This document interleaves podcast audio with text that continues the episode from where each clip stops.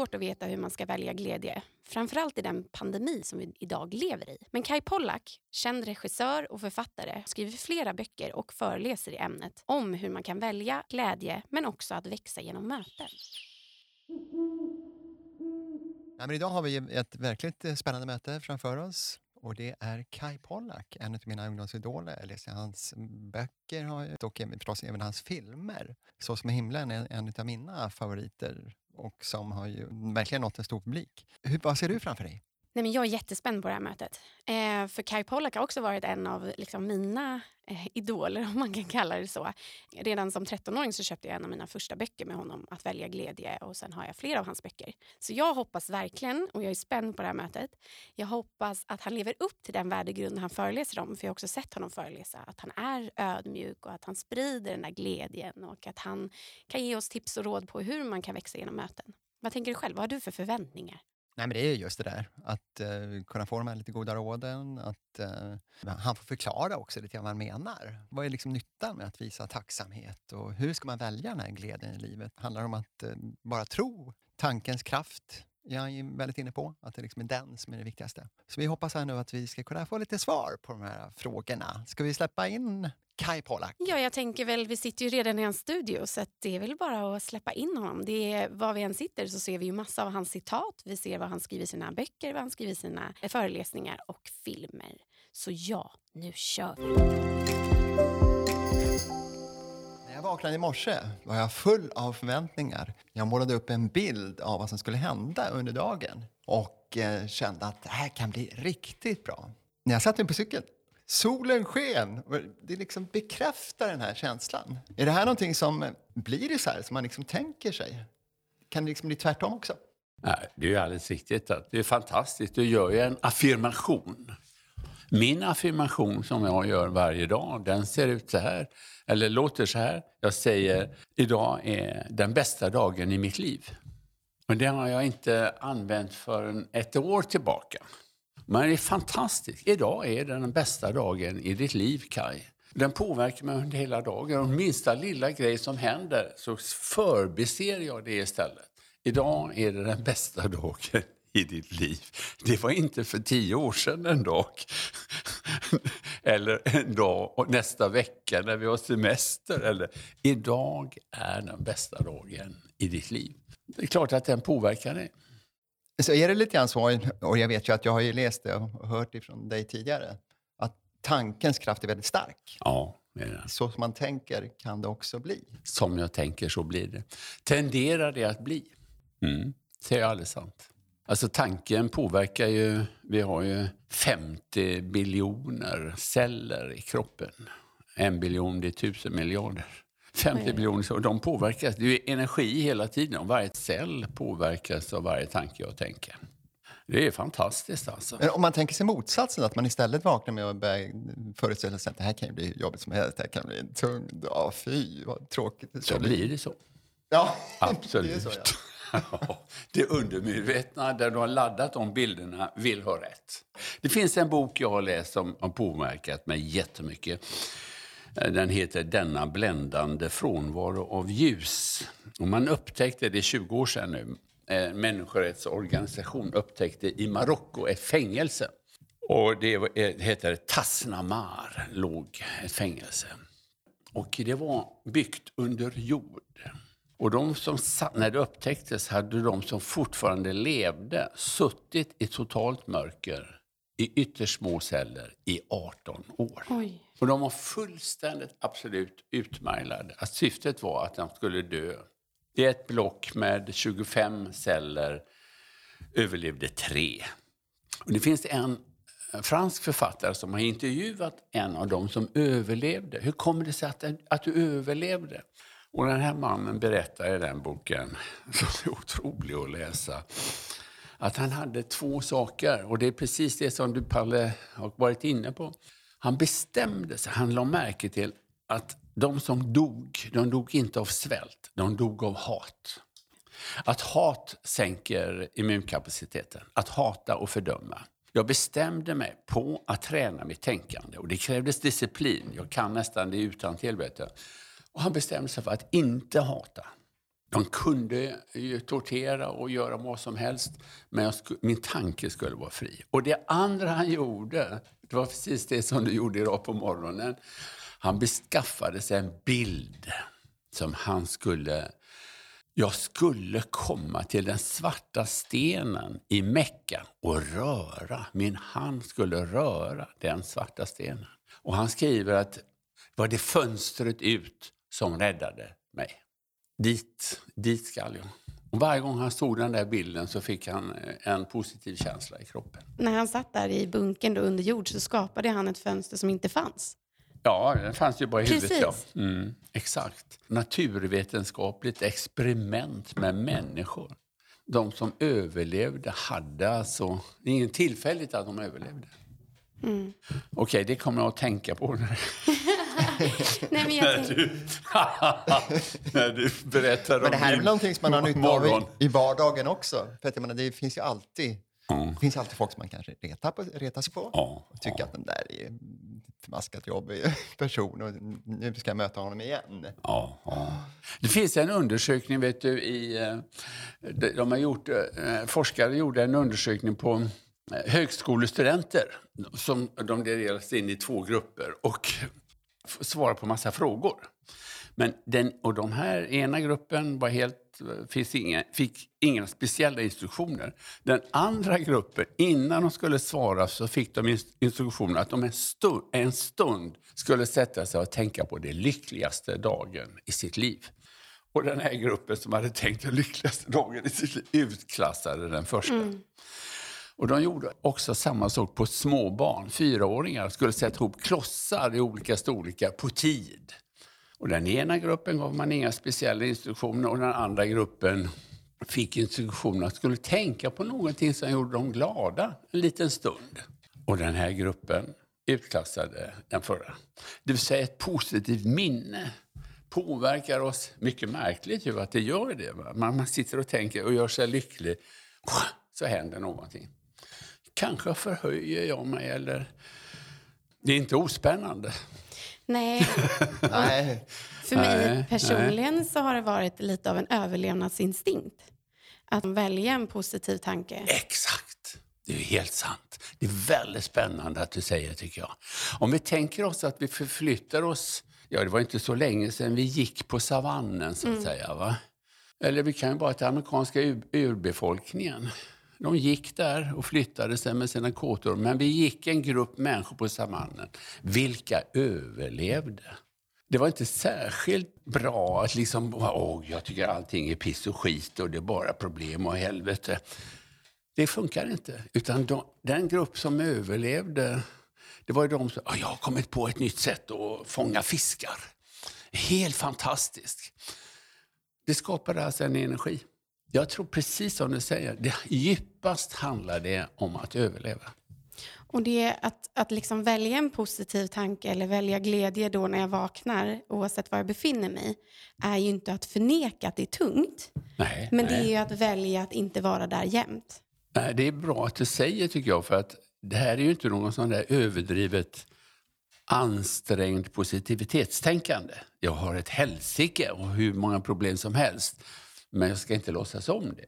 Men i varje situation är det möjligt att tänka en tanke. Det, Nelson Mandela har skrivit den här tanken i sin bok, självbiografin. Ja, han hade ju lång tid på sig att öva. Han skriver, det finns ingen situation som är så hemsk att du inte kan välja att tänka en tanke som gör att du mår något lite bättre. Det är helt sant. Mm. Verkligen. Han begär inte att man ska flytta sig från ytterst förtvivlan till lycksalighet på en sekund, men stegvis är det möjligt. jag tänkte på lite om det praktiska dagliga livet. Ja. Som jag var inne på lite grann tidigare. Det finns ju alltid personer som man kan tycka är lite jobbiga. så. Ja, de är jobbiga. En del är alltid jobbiga.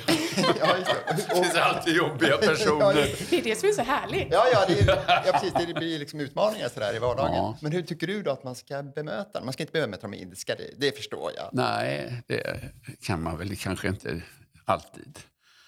Eh, Hur man ska bemöta dem. Helst önskar man ju att man kunde göra sig fri från jobbiga personer. Kunde välja de man arbetar med så att de bara var ett helt fantastiskt team. Men inte alltid kan man ju välja. Många människor kan ju inte välja vilka de ska vara med. Utan det finns besvärliga personer. Och det finns personer som gör, ger en sömnlösa nätter. Man ligger ju mal och den där sa det och kränkte mig och allt möjligt. Öppet på ett möte. Den stora övningen i livet är ju att kunna värdera sig själv så högt att om du har en möjlighet om det är en person som ständigt kränker mig, att faktiskt lämna den platsen. Eller eh, väldigt tydligt säga ifrån, men om det inte går så måste jag ju lämna den platsen. Man möter ju människor som man tycker borde vara på ett annat sätt, så kommer livet vara lite lättare för mig. Men då är den där tanken att de är utsända att öva på. Den är otroligt hjälpsam. Alltså tanken, det är ingen tillfälligt att jag möter den här människan nu. Jag tänker, när jag har kommit, när jag föreläser och jag har kommit ut i alla olika aulor och teatrar och konserthus, vad det nu kan vara. Va? Så möter jag ju alltid vaktmästare och tekniker. Och man har ett antal timmar på sig att göra ordning innan allting börjar. Och då har jag mött olika vaktmästare och olika tekniker. Och en del är jättepositiva. Men en del är, kan, kan du flytta den lampan där lite grann? Och så tycker de det är ju jättejobbigt. Gud vad besvärlig han är. Pollack ut, kan man behöva flytta den där lampan nu och hämta en steg och allt möjligt. Och då, om, jag, om jag då låter dem påverka mig så förlorar jag ju själv. Men då brukar jag verkligen alltid tänka, här är de, de här är utsända för dig att öva på Kaj. Du kan inte byta ut dem, är bara till att se vad som kan hända. Spännande. Du tror, du tror inte att det går att flytta, eh, flytta den där lampan.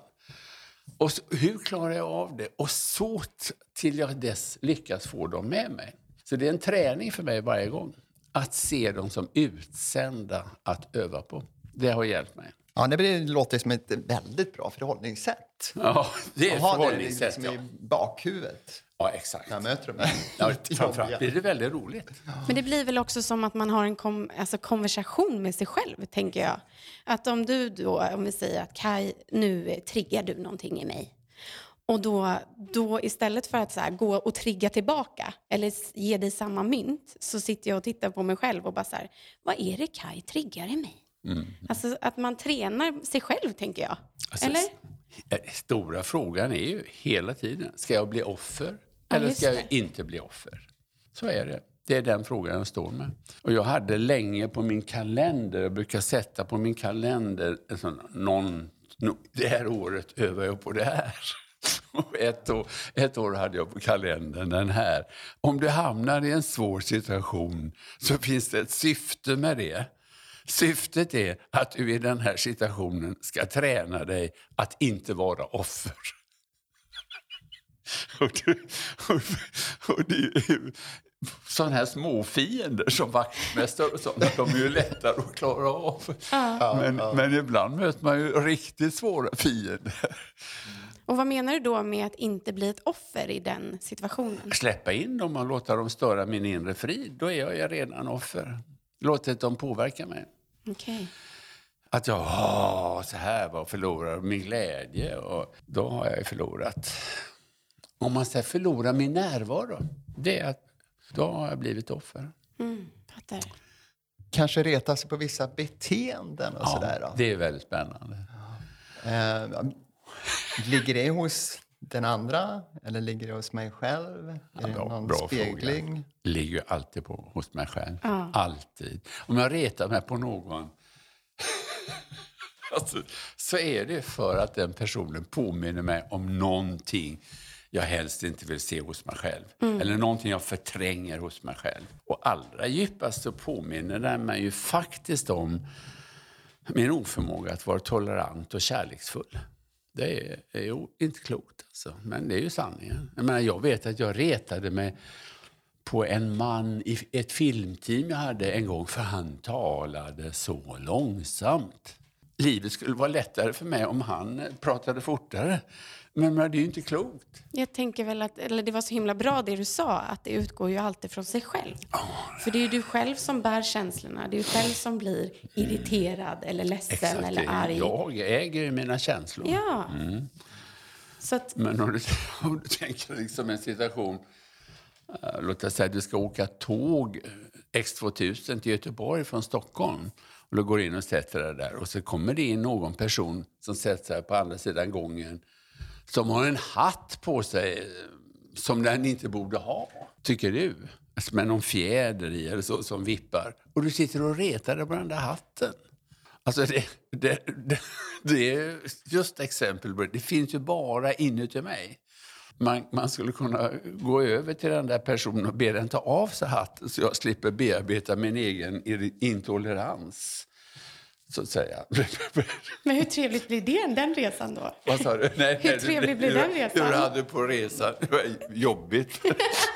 Ja, jag tänker också den här stackars personen då som bär den här hatten. Ja, Vem är jag då, om jag hade stört mig på hatten? Vem är jag att tala om för personen Nej, i fråga vad du ska göra. på dig? Nej, men det går ju inte. Självklart inte. Nej. Nej, men vi retar oss ju på människor hela tiden, förmodligen i ett kör. Men eh, de, det vore ju väldigt fint. Det finns säkert människor som inte retar sig på andra människor. Absolut. Vad skiljer dem? Nej, men de har kommit längre än vad jag De har kommit gjort. längre på resan. Liksom. Exakt, det är klart de har gjort. Var Än vad du har gjort. Jag tänker, du har kommit långt. Ja, jag har, vi är ju alla på samma resa. Vi håller på att öva på olika saker på olika nivåer hela tiden. Verkligen. Men jag tänker, det går, det går ju naturligt då över till tacksamhet. Eller förlåtande, tänker jag också. Hur ska man göra där? Om man känner att, ja, om vi tar förlåtandet först. Nej, men jag har så svårt att förlåta den här personen. Ja. Vad gör jag då? Det är en jättebra fråga. Vi kanske alla har gamla fiender så att säga som man inte har förlåtit. Man kan ju börja med sina föräldrar. Ett garanterat sätt att bli olycklig i sitt liv är att inte förlåta sina föräldrar. Men eh, sen kan det finnas andra personer på resan som har kanske gjort allvarliga övergrepp och, och grova kränkningar. Om jag går och bär dem inom mig och natt efter natt gnager i det här såret, så att säga, river i det såret. Så är det klart att jag förlorar min livsenergi. Jag, eh, jag kan inte dansa fritt i mitt liv. Jag har liksom kättingar runt fötterna. Då måste jag förlåta dem. Jag, om jag, det, är- det är det enda jag kan göra. Jag måste förlåta det förflutna. Det finns inte. Det är för, för övrigt, det är bara minnen. Jag var offer en gång, men jag måste inte fortsätta vara offer. Och att kunna förlåta helt och riktigt, det har vi inte tid att ta upp här, men man får söka upp någon eller böcker där jag lär mig en bra process att förlåta. Det finns olika processer. Man kan sätta den personen på en stol framför sig sin fantasi och så vidare. Och så vidare va? så jag känner att jag blir fri från allt det som har hänt. Och tacksamheten då? Ja, det är det största, i huvud taget det största medel som finns för att eh, flytta sig över på den lyckliga sidan i livet. Alltså, om man verkligen vill göra ett skifte i sitt liv så, ska, så pröva, ni som lyssnar det här, pröva att göra den här övningen. För att man blir, det är en livsförändrande övning. Välj en dag från det du vaknar att vara tacksam för varenda sak ända tills du somnar. Alltså, ja, en hel dag. I ett kör ska Jag har gjort den övningen på en workshop en gång i Amerika. Det vill säga, när du vaknar så... Först att jag är tacksam att jag har en säng. Jag är tacksam att jag har lakan. Jag är tacksam för att det finns mat i kylskåpet. Du går upp, du är tacksam för att det kommer varmt vatten. Du är tacksam, och jag är tacksam för att eh, de har gjort den här värmepannan. Olika ingenjörer har hållit på där och, och de rörmokar. Jag är tacksam för att de har gjort så det kan komma varmt vatten idag med. Och i ett ett kör, när handduken, jag är tacksam för de som plockar bomullen och, och bearbetade den. Och när du åker på tunnelbanan sitter du där och är tacksam för att det är någon som kör dig där framme. Punktligt och det är städat, den går till precis dit du skall. I ett kör från, en, från morgon till kväll. Alltså ni kan inte ana vad som händer med en. Man, man, liksom, man leviterar från marken. Och hemligheten är att under den, att antal timmar är det kritisk, kritiska jaget dödat. Tyst. Mm. finns ingen chans. Jag kan inte vara olycklig och må dåligt och samtidigt vara tacksam. Och övningen är så himla rolig så det är inte klokt. Den förändrar livet på en. Så när jag sitter och åker tunnelbanan här från i Sundbyberg in till stan, då sitter jag och tänker på han som uppfann kullagret där nere. Va? Och, och det blir hur roligt som helst. Och tänk att det kommer ström ända från Harsprånget hit och sådana grejer. Va? Det blir, det blir hur roligt som helst. Så du menar att de här självklarheterna i vardagen, de ska man liksom tänka på och verkligen Absolut. känna tacksamhet för då? Ja, jag kan ju verkligen göra det på morgonen när jag får mitt kaffe. Ja. Då känner jag en otrolig tacksamhet. Ja, fortsätter du resten av dagen då? Eller är det bara kaffet du är tacksam för? Eller fortsätter du ja, men det ger kraft. Det ger kraft på något sätt. Ja, det är klart att det gör. Ja. Mm. Jo, jo, jo jag känner verkligen tacksamhet för att kunna cykla. Ja, det gör jag verkligen. Det är, det är en gåva. Alltså det, det finns en amerikansk kvinna som heter Byron Katie som skrivit massa böcker i personlig utveckling och sånt. Men hon, hur står en av hennes, hur vet man att man är upplyst? Man lever i ständig tacksamhet, säger hon. Och det ligger något i det. Därför att man har ju hela tiden möjlighet som fri människa när du cyklar så kan du naturligtvis, oh, varför har jag inte en bättre cykel med, med de här nya växlarna? Och så vidare. Och så vidare. Det går hela tiden att hitta någonting. Ja. Eller bara, jag är tacksam. Jag är tacksam för att jag cyklar nu. Den där, man, kan inte göra, man behöver inte göra den här övningen, jag kallar den för maratontacksamhetsövningen. Men man kan göra den en gång. För den påverkar en totalt, den är livsförändrande. Man fattar in på skinnet någonting. Sen kan man ju varje dag börja med tio saker jag är tacksam för. Eller varje kväll. Karin, min fru och jag, vi, innan vi somnar så gör vi varje kväll. Vad är du mest tacksam och glad för idag, Karin? Vad fint. Ja, jag är mest tacksam för... Och så kanske hon tar två, tre saker. Vad är du mest glad och tacksam för? Jag är tacksam för att jag faktiskt valde att träna idag. Oh, det gjorde jag. Jag genomförde den där träningen. Det kändes Det var lite, lite jobbigt var men det är skönt efteråt. och det funkar ju också att fylla sig. Tacksamhet är helt otroligt. Jag skriver tacksamhetsdagbok varje kväll. Jag gör det? Jag gör det. Mm. Det är återigen min överlevnadsinstinkt efter en tuff dag, höll jag på att säga. Ja, men det är väldigt bra. Alltså. Ja, och det mm. märker jag ju. Mm. Men det blir också, framförallt de dagar när det verkligen är mörkt. Eller det känns liksom, den här dagen blev inte som jag hade förväntat mig. Nej. Och då är jag ändå men positivismen i ett paket. Men ibland så kommer det bara sån här... Dysch. Och då så blir det ändå att så här, okay, men jag är ju faktiskt tacksam över att jag ligger på den här sköna huvudkudden. Ja. Att jag andas. Exakt. Min sambo som ligger bredvid mig. Det går ju alltid att hitta något. Ja, det är inte klokt. Vi lever i ett land där det är frihet och demokrati. Jo, jag tänker på en metafor som du har beskrivit. Det är gäddan i akvariet. Ja, som man är... sätter ner en glasskiva med, mitt i. Eh, och sen på andra sidan har du eh, lite löjor och lite mm. god mat till mm. Eh, mm. gäddorna. Och eh, varenda gång som gäddan ska försöka sluka fisken så står det i glaset, dunk. Och den här gäddan gör det kanske en 10-15 gånger och sen till slut så upptäcker att nej, jag kan inte göra det här en gång till. Ja. Man lär sig. Och sen så tar man bort glaset. Ja, exakt. Och eh, efter det så kan eh, småfirarna eh, simma fritt. Mm. Mitt att, framför nosen på gäddan. Utan att bli hotade eller någonting från gäddan. Och det slutar till och med att gäddan svälter ihjäl. Ja, just det. Hon har format en trosats, belief, inre övertygelse. Att fånga mat är oförenat med oerhörd smärta. Och det här är någonting som eh, man kan översätta till eh, människor också? Ja. Att vi kan eh, bli hindrade utav vissa föreställningar? Ja, av våra beliefs. Det som du kommer in på nu det är ju det som påverkar oss, tror jag, allra, allra mest. Påverkar en människa, vilka beliefs, vilka trossatser, inre övertygelse jag har. Jag har ju varit på workshop i Amerika för när jag är, det är för 35 år sedan. Där jag själv upptäcker att jag har en trossats Alltså de är ju djupt omedvetna. Men i en process upptäcker jag att jag har trossatsen I'm not good enough. Jag är inte helt okej okay som jag är. Jag duger inte. Och det var ju he helt omvälvande att upptäcka. Och den har jag ju burit med mig ända sedan jag ja, är en liten pojke. Och det har funnits i mitt undermedvetna. Och det undermedvetna styr mig ju en massa olika beslut. Och på den där workshopen var det ju många människor och den trossatsen var ju en av de vanligaste. Kanske 75-80 procent hade den. I'm not good enough. Det är inte helt okej okay som jag är. En del kvinnor hade I'm nothing, jag är ingenting. Det intressanta är på den workshopen fick jag ju lära, förstå att den trossatsen jag har, den är ju inte sann.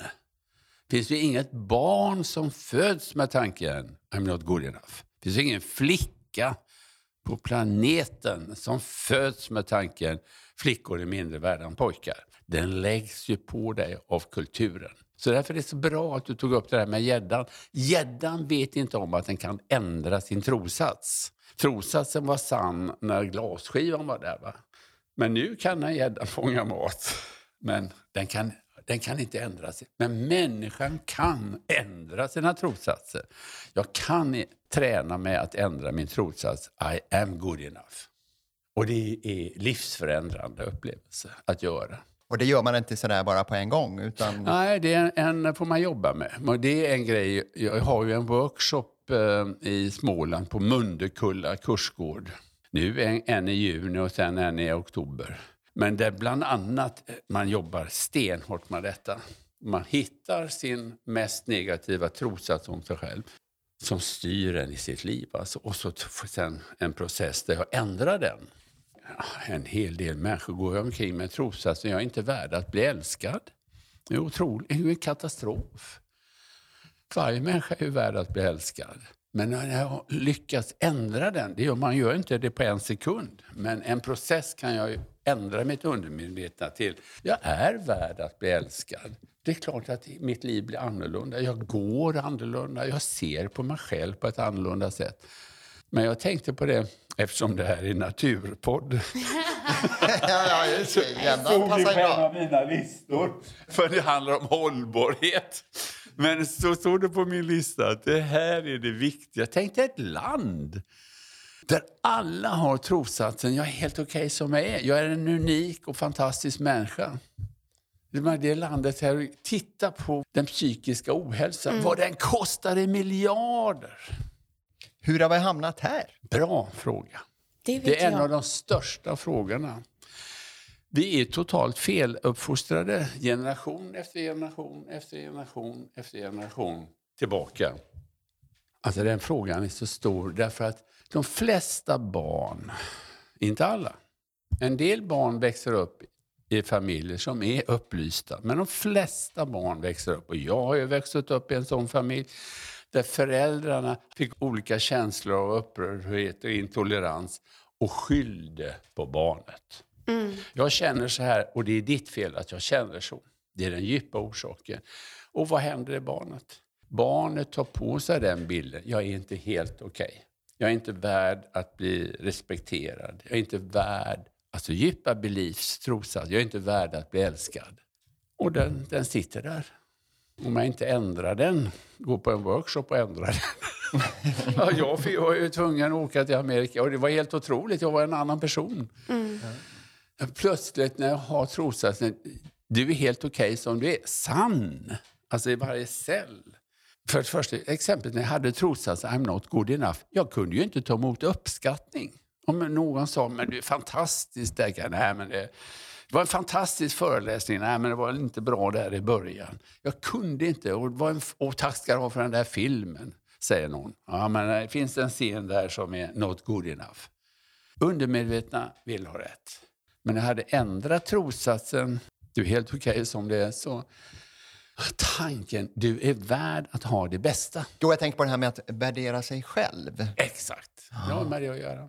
Och Eh, just att stå emot grupptryck till exempel. Exakt. exakt. Och det kan ju ha ett pris. Ja, exakt. Stå emot grupptrycket har med att göra hur du värderar dig själv. Ja, du måste göra det. Ja, absolut. Klart jag gör. Det är stora frågor här. Men ett samhälle som... Om vi, jag önskar ju det i min dröm, i min fantasi, så önskar jag, jag önskar ju att hela regeringen sitter och lyssnar på det här programmet. Vi nu, fixar va? det, Kaj. Ja, och så sen så, gud, nu ska vi starta, säger Stefan Löfven och alla partier. Nu ska vi starta en mental hälsoprocess.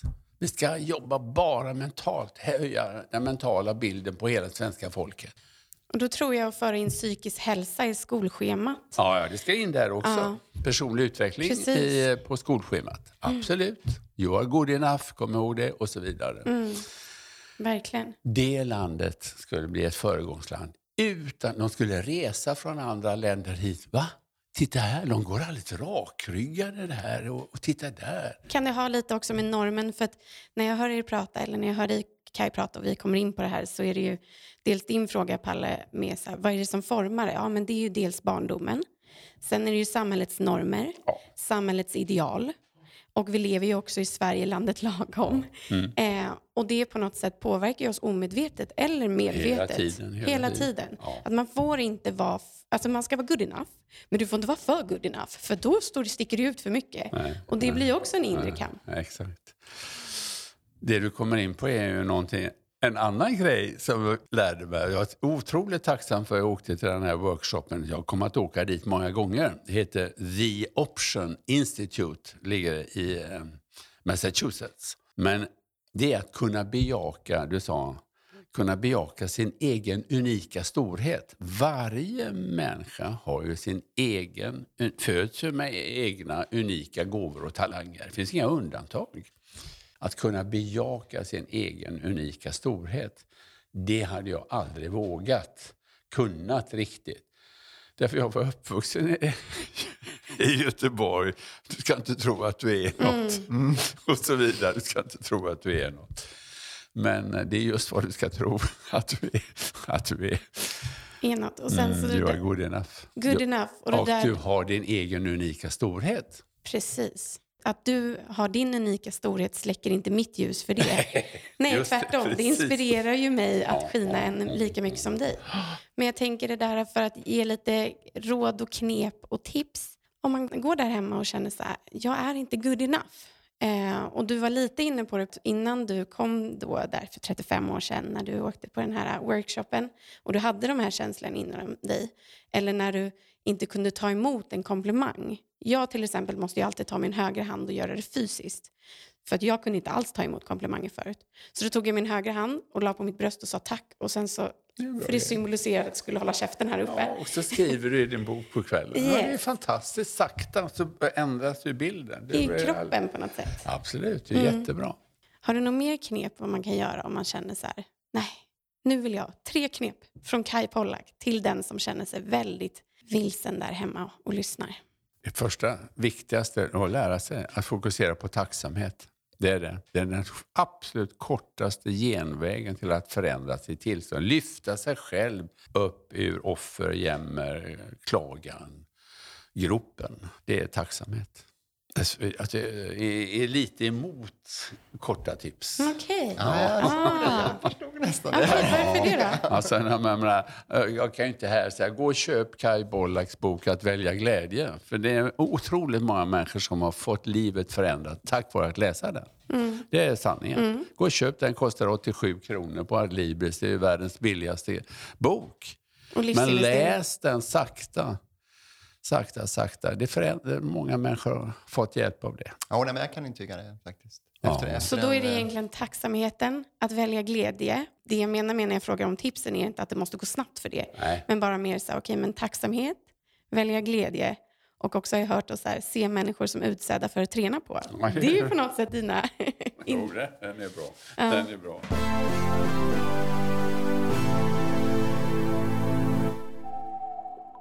Vad tänker du på när jag säger glädje? Det är underbart.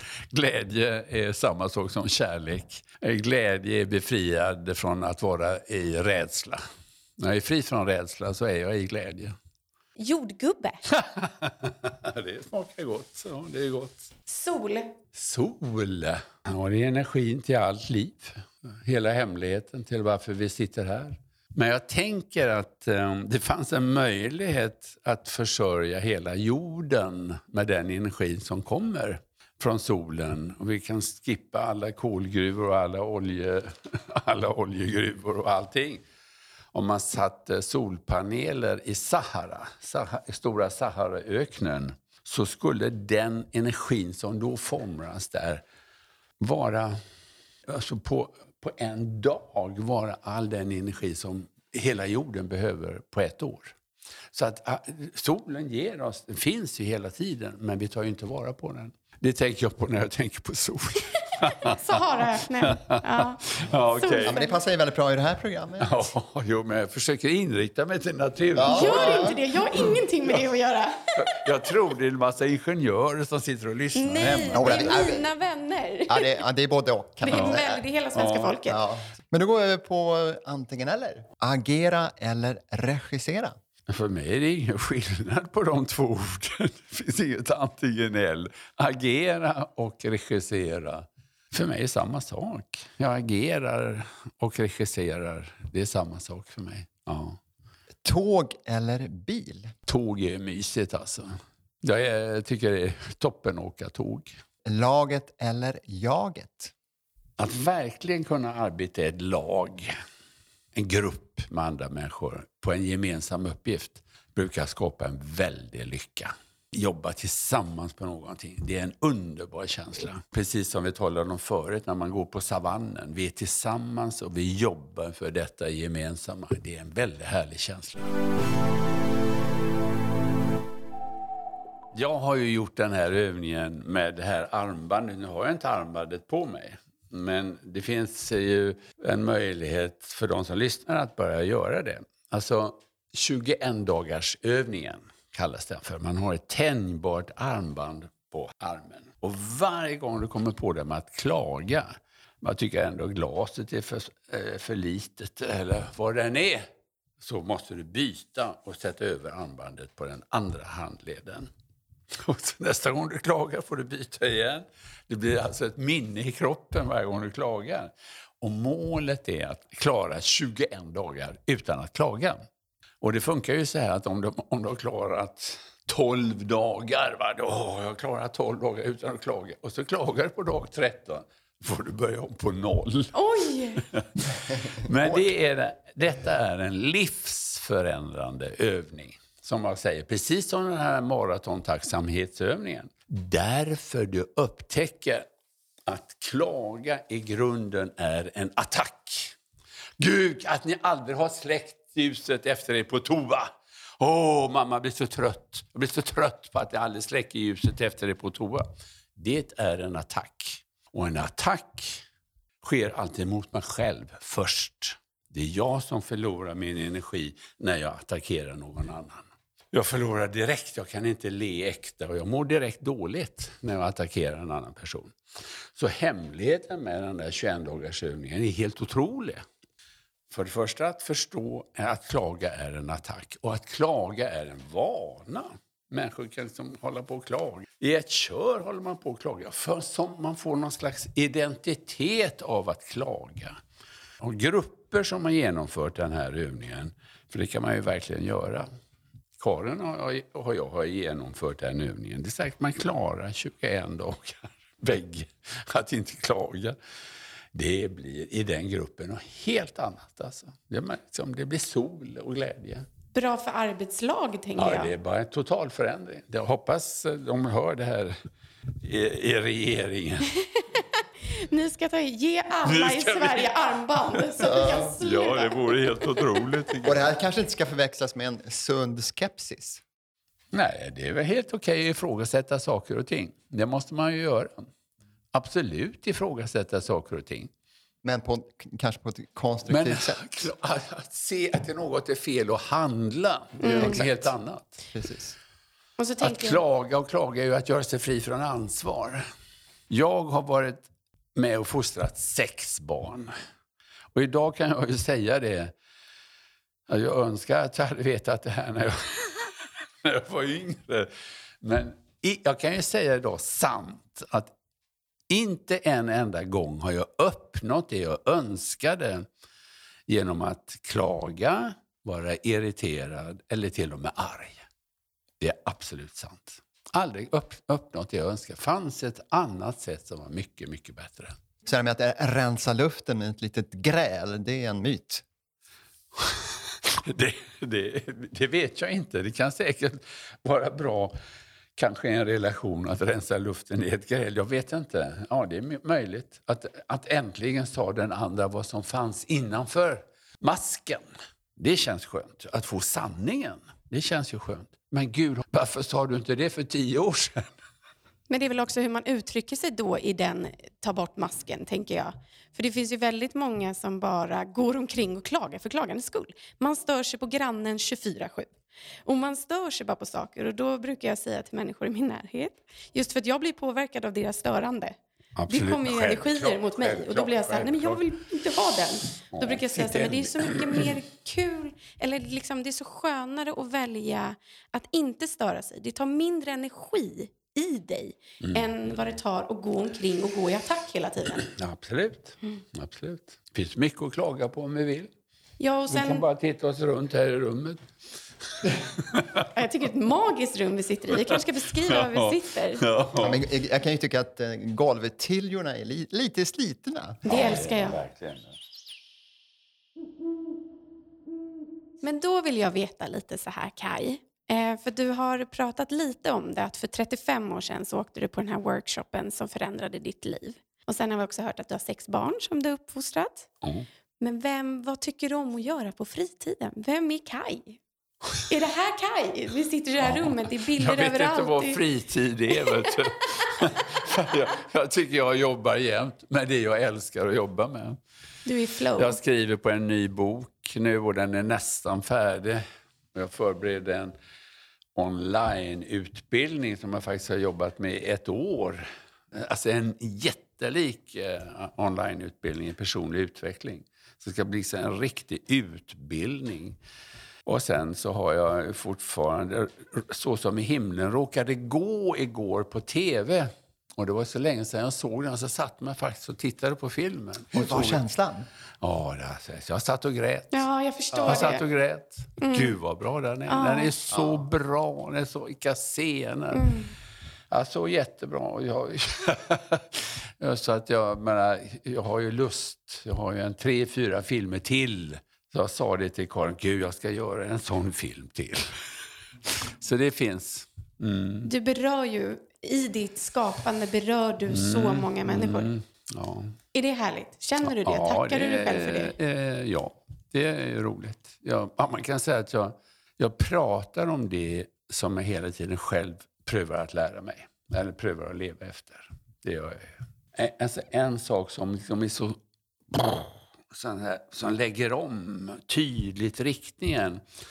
Ehm, den här amerikanska författarinnan Byron Katie, hon har ju skrivit en sak. Och det är det enda uppdrag du har i ditt liv, det är att göra dig själv lycklig. Och jag vet, när jag läste det första gången så tänkte jag så, va? va? Är hon inte klok? Ungefär. Ska man ju bara tänka på sig själv? Och jag tror jag behövde flera år till att det är helt sant.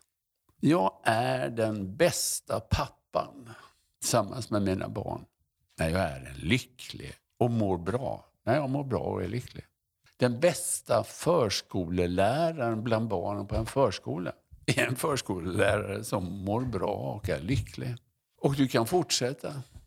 Den bästa piloten på SAS vem vill åka med en pilot som, som... är djupt olycklig? Mm. Ja, Nej, det är lite läskigt då. Det, kan, det, det har vi sett att det kan ju sluta riktigt illa. Det kan ju sluta riktigt illa om man flyger in i berget. Ja.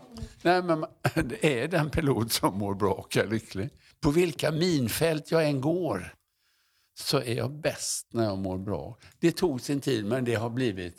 Det enda uppdrag du har, Kai, det är att göra dig själv lycklig. Det, så är det. Och det ger ringar på vattnet, för då är det härligt att vistas ja, i din eh, lyckliga självklart. energi. Liksom. Precis, var den är. Mm. Ja, just, man kan på det sättet kan man göra många andra lyckliga. Ja, självklart. Mm. Mm. För vi har ju ändå haft den här normen då igen, att, att man är egocentrisk. Nej, det handlar ju inte ett dugg om precis. det. Inte ett dugg om det. Inte ett dugg. Nej. Att se sig själv och se vad man, hur man påverkar andra och hur man påverkas själv i olika situationer är nyckeln till allt. Det är riktigt. Mm. Vad gör du när du kopplar av helt och hållet? Sover. Eller lyssnar på musik. Mm, vad för musik? Ja, då blir det Beethoven eller operor. Det, jag har ju skaffat mig såna där fina lurar. Du vet, man letar upp någon bra stycke på sin telefon och så hör man det i sina lurar ut trådlöst. Det är ju mirakel. Mm. Och alltså höra en symfoni av Beethoven i sina lurar fullständigt totalt som om man satt i orkestern. Det är ju en kick. Magiskt. Ja, det är magiskt. Mm. Men när jag tittar på dig Kaj i din fantastiska studio med magiska bilder och dina filmplanscher och det är lejon och det är allting så har jag ett citat bakom dig där det står det enda berättelse som är värd att berättas är det som gör människor lyckliga. Självklart. Allt annat är bortkastad tid. Absolut. Inget annat. Det är bara slöseri med tid. Mm. Skit. Känner du att vi nu har eh, berättat någonting som kan göra människor lyckliga i den här podden? Ja, det, har vi, det tycker jag verkligen. De som är villiga att genomföra maraton tacksamhetsövningen. Det kan bli ett skifte i livet. Man upptäcker plötsligt, ja. Eller man kör 21 dagars armbandet. Det blir också ett skifte i livet. Så vem vet? Mm, verkligen. Palle? Ja, nej, men jag känner att jag sitter här bara med ett stort enda leende på Ja. läpparna. Ja, ja. F- Fylld av lycka. Och det jag tar med mig det är förstås de här eh, knep, eller knep och knep. Jo, men det finns ju lite olika metoder man kan använda sig av. ja det är det. det är disciplin. Det, Ja. är, det handlar om Ja. disciplin. Fri vilja innebär att du kan välja att tänka precis vad du vill tänka. Ja, och den här med tacksamheten tycker jag känns Ja, viktig. ja, den tar jag ja, gärna med mig. Om man ska liksom nämna en sak. Det här med gäddan kan jag liksom inte, den har liksom etsat sig fast. Ja. Eh, Härlig på något sätt. Inlärd hjälplöshet heter det i beteendepsykologi, det experimentet. Mm. Och det går att förändra. Det är det som är det hoppfulla i det hela. ja. Mm. Nikita då? Ja, Jag kan alltså- tänka mig att det är lite samma känsla för dig och kanske ännu starkare. Ja, alltså jag träffade ju, fick ju äran att träffa Kai på gatan. Det är ju inte varje gång man gör det innan jag kom hit. Och eh, då så sa jag det att Kai har i mitt liv betytt väldigt mycket omedvetet. Du har inte vetat om det, men i svåra perioder i mitt liv så har eh, dina böcker och redskap hjälpt mig helt enkelt. Så det tar jag verkligen med mig och allting som vi har pratat om här idag. Men jag har ju haft, sen jag satt i bilen på vägen hit och sjöng från Så som i himlen. Alltså den låten går på repeat. Jag vill känna att jag lever. Ja. Ja. Ja, det är inte klokt. Alltså. Det är nu som livet är mitt. Ja, Jag har och- fått en stund här på jorden. ja. Jag vill leva lycklig och vara den jag är. Ja. Vem vill inte det? Vem vill inte det? Nej, Ja, det sammanfattar jag väldigt bra. Ja, jag gör det. Ja, och det är, den, det är nästan så att jag vill börja sjunga på den. För att men gör det. Avs- Avslut, du som kan sjunga. Nej, men jag tänker Kai kan berätta vad du tar med dig från avsnittet efter det här mötet med oss. Att vi har haft väldigt mysigt. Jag har varit, eh, mått bra hela tiden. Känt mig helt trygg, varit helt närvarande. Upplevt att eh, tiden bara har runnit iväg. Upplevt att eh, den enda tid som finns det är den tid som är nu. Det är helt underbart. Ja, det känns helt perfekt. Tack snälla Kai för att vi fick äran Ja, att träffa verkligen. dig. Jättefint. Tack Verkligen. själva.